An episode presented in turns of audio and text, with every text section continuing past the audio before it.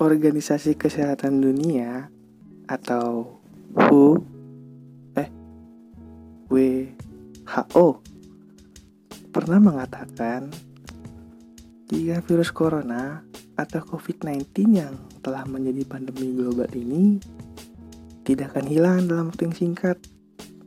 Maka dari itu, masyarakat diharapkan masih terus mempertahankan hidup sehat sesuai dengan protokol kesehatan sehingga ke depannya hal ini akan menjadi tatanan normal yang baru atau the new normal yang lagi hits nih. The new normal sebuah kebijakan yang mengajak kita untuk berdamai dengan COVID-19. Kalau COVID-19 nya nggak mau gimana? Masyarakat harus bisa memaknai hal ini untuk tidak menyerah terhadap keadaan. Akan tetapi, mencoba untuk hidup berdampingan denganmu, eh, berdampingan dengan situasi saat ini maksudnya. Kehidupan new normal ini merupakan bagian dari exit strategi setiap negara dalam menghadapi pandemi COVID-19. Beberapa negara, termasuk negara kita nih, mulai menyinggung soal new normal di tengah pandemi kayak gini. Negara kita tuh yang paling santuy sama kedatangan nih virus. Tapi yang paling ngerasa kerusuk juga buat nih virus cepet pergi. Ada. Padahal kan kurva COVID-19 di kita nih naik terus. Cepet turun. Naik lagi. Turun. Naik lagi. Gak turun-turun. Selain itu juga Syarat dari new normal ini menurut WHO salah satu di antaranya yaitu terbukti dari adanya transmisi COVID-19 yang telah dikendalikan.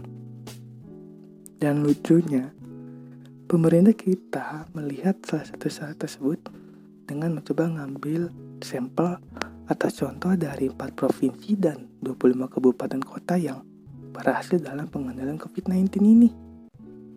Keberhasilan itu dilihat dari laju pengendalian COVID-19yang berada pada R0 atau di bawah 1 dan ditunjukkan dengan banyaknya zona hijau yang sebelumnya zona merah pada suatu wilayah. Walaupun masih ada beberapa zona merah pada kawasan di salah satu daerah tersebut, tetapi hal itu tidak menyurutkan terkait new normal ini dan seakan-akan hal ini seperti kebijakan yang perlu dicoba-coba Jubir pemerintah untuk penanganan COVID-19 yang sering kita lihat di TV itu mengemukakan bahwa new normal ini lebih menitik beratkan perubahan budaya masyarakat untuk terbiasa berperilaku hidup sehat.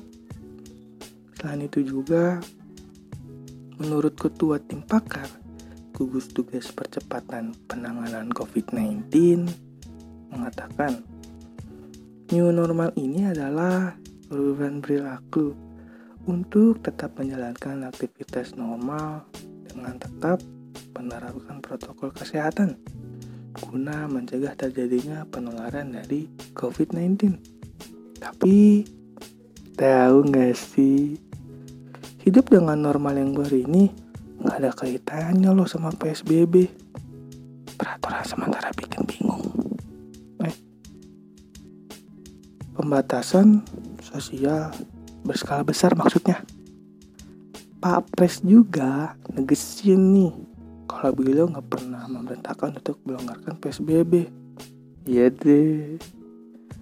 Menurut Ketua Tim Pakar Gugus Tugas Percepatan Penanganan COVID-19 lagi nih, transformasi ini adalah untuk menata kehidupan dan perilaku baru ketika pandemi yang kemudian akan dibawa terus ke depannya sampai ditemukan vaksin untuk COVID-19. Jadi nih, masyarakat akan menjalani kehidupan yang normal ini hingga ditemukan vaksin yang dapat digunakan untuk menangkap eh menangkal COVID-19. Tapi tahu nggak sih?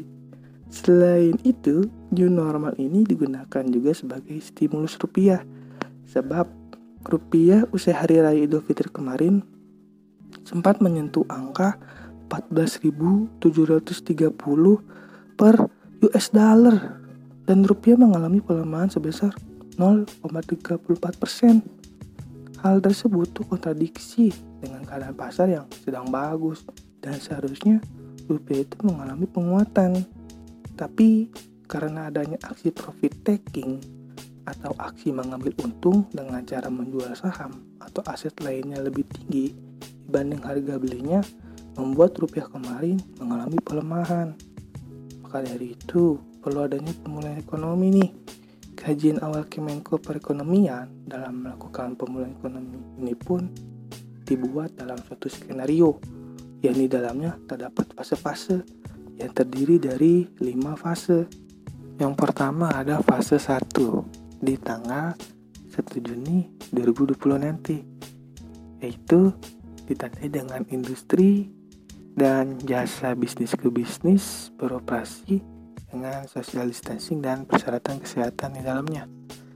Untuk toko, pasar, dan mall belum boleh beroperasi, terkecuali bagi toko penjual masker dan fasilitas kesehatan.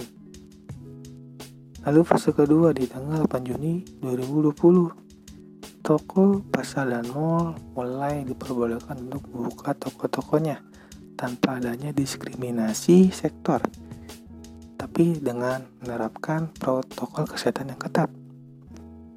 Kegiatan berkumpul dan olahraga outdoor belum diperbolehkan. Lalu di fase ketiga pada tanggal 15 Juni 2020. Kegiatan kebudayaan mulai diperbolehkan dengan menjaga jarak. Lalu kegiatan pendidikan di sekolah dilakukan dengan sistem shift sesuai jumlah kelas. Dan olahraga outdoor mulai diperbolehkan tentu dengan protokol kesehatan yang ketat. Lalu fase 4 di tanggal 6 Juli 2020 ditandai dengan mulai dibukanya secara bertahap restoran, kafe, bar, tempat gym, dan lain-lain tentu dengan protokol kebersihan yang ketat. Lalu kegiatan outdoor bisa lebih dari 10 orang dan kegiatan ibadah dilakukan dengan jemaah terbatas. Untuk kegiatan beribadah ini sebenarnya di fase 1 sudah mulai bisa dilakukan tergantung dengan daerah-daerah yang melakukan new normal ini. Dan yang terakhir ada fase kelima yang dimulai pada tanggal 20 dan 27 Juli 2020. Fase ini dilakukan untuk melakukan evaluasi pada fase 4 dan pembukaan tempat-tempat atau kegiatan ekonomi, ekonomi lain mulai dilakukan dalam skala yang besar.